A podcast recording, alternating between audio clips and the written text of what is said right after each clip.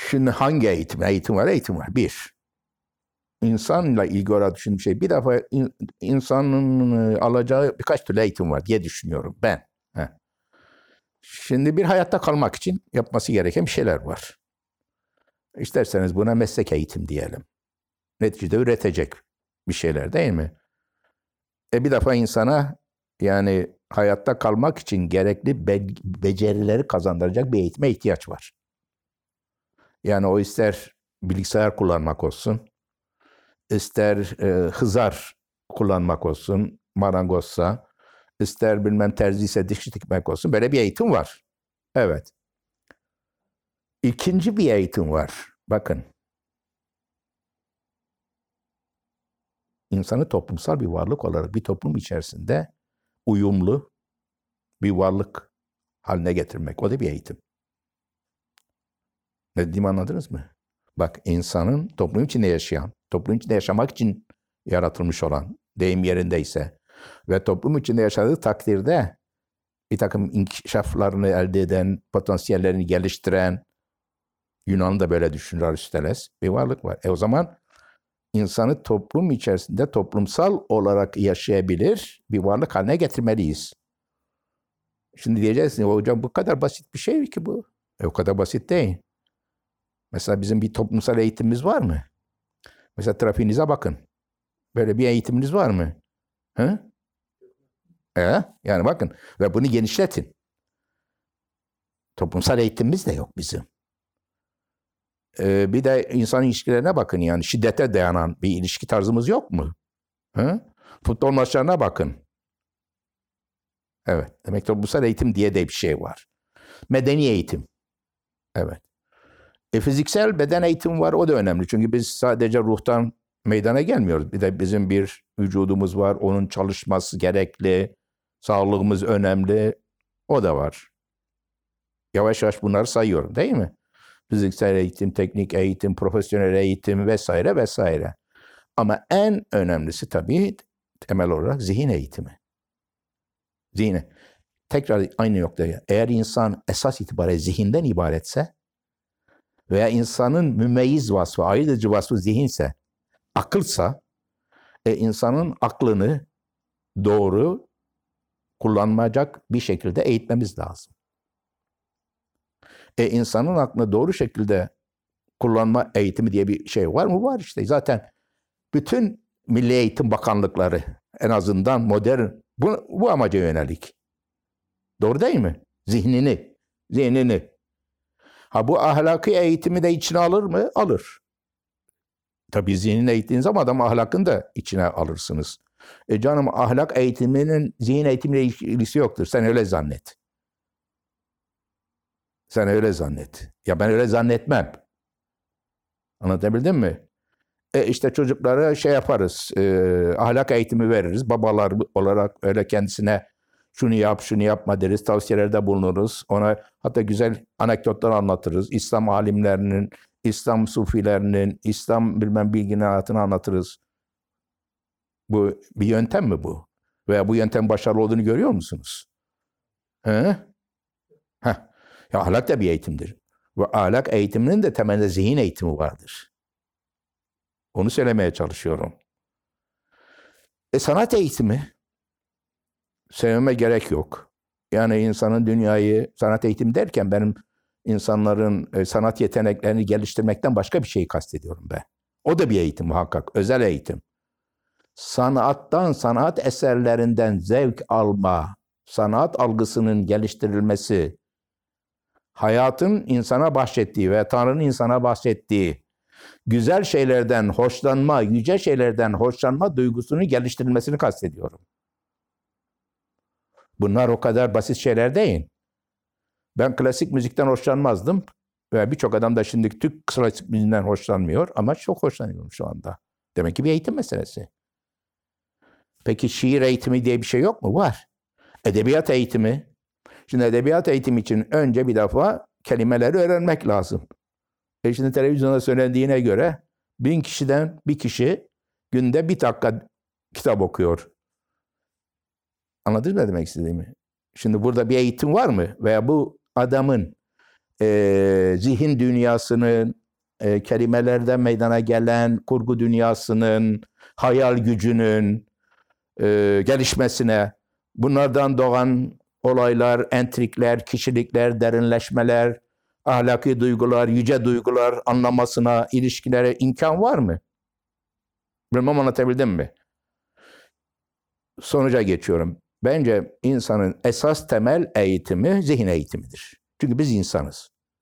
Akıl eğitimidir, istiyorsanız felsefe eğitimidir. Öyle çok e, teknik bir şey söylemiyorum. Bunun içerisine de işte böyle çeşit çeşit öbek öbek girer. Duygu eğitimi, ahlak eğitimi, meslek eğitimi, sanat eğitimi, algı eğitimi girer. E bunun da yolları belli. Dünya bunu yapıyor zaten. Dünya bunu yaptığı için hayatını bu eğitim sayesinde bizden çok daha ne diyelim zengin, iyi bir terim yaşayan topluluklar var. Bir de biz varız işte. Ya bize benzeyen topluluklar var. Zengin yaşamak diye bir şey var değil mi? Yani başka insanları tanımak, başka insana duygularını anlamak, başka durumları anlamak, empati, sempati. Bak bunların hepsi hep patosla ilgili. Yani ne demek istiyorum? Duyarlılıkla ilgili buna. Duyarlılık bu. E, dünyaya duyarlı olmak, hayvana duyarlı olmak, güzelliğe duyarlı olmak, kuşa duyarlı olmak. E görüyorsunuz yani. Var mı? Eğitim amacı bu. De, yani illa herkesi felsefeci yapmayalım ama ne demişti? Felsefe yapmak e, öğrenilebilir. Efendim insanlar dünyadan zevk almak, anlamak, algılamak, düşünmek, doğru düşünmek, tutarlı düşünmek bunlar da öğrenilebilir. Eğitimdir. Ben kanaatimce eğitimdir. Buna liberal eğitim de diyoruz. Liberal eğitim diyoruz. Yani batıda bunun bir adı da var. Liberal eğitim. Klasik eğitim de diyebiliriz buna. Ben klasik ve liberal eğitimin yanında olan bir adamım. Ama aptal değilim. E hocam bilgisayar eğitimi vermeyelim mi? E gayet tabii ki vereceksin. Veya teknik eğitim vermeyelim mi? Gayet tabii ki vereceksin.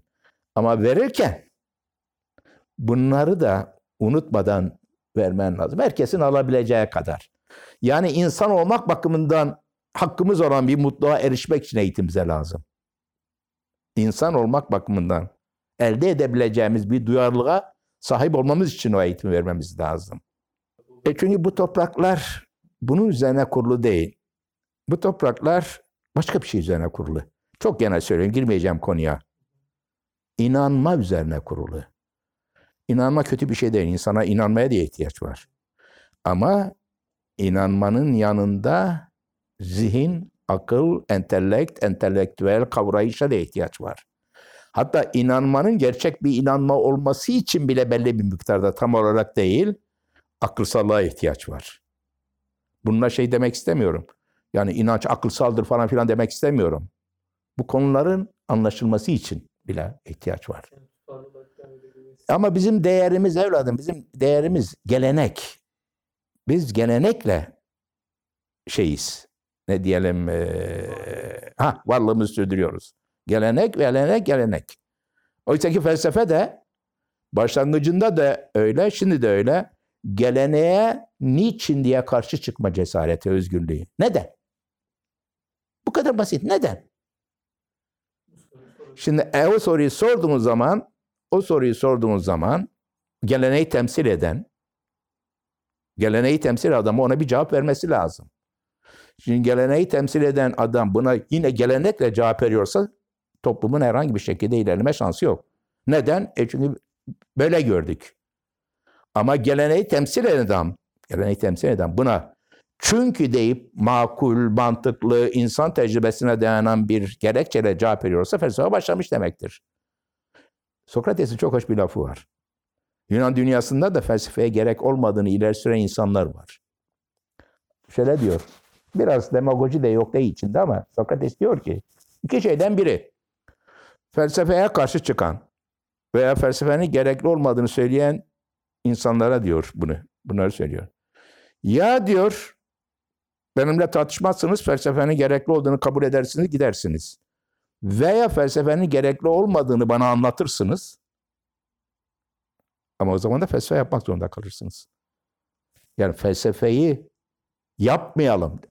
Atalarımızın söylediklerini kabul edelim. İşte geleneğe dayanalım dediğiniz andan itibaren ben size bu soruyu sorduğum zaman ben size bu soruyu sorduğum zaman bana bir açıklama yapacaksınız.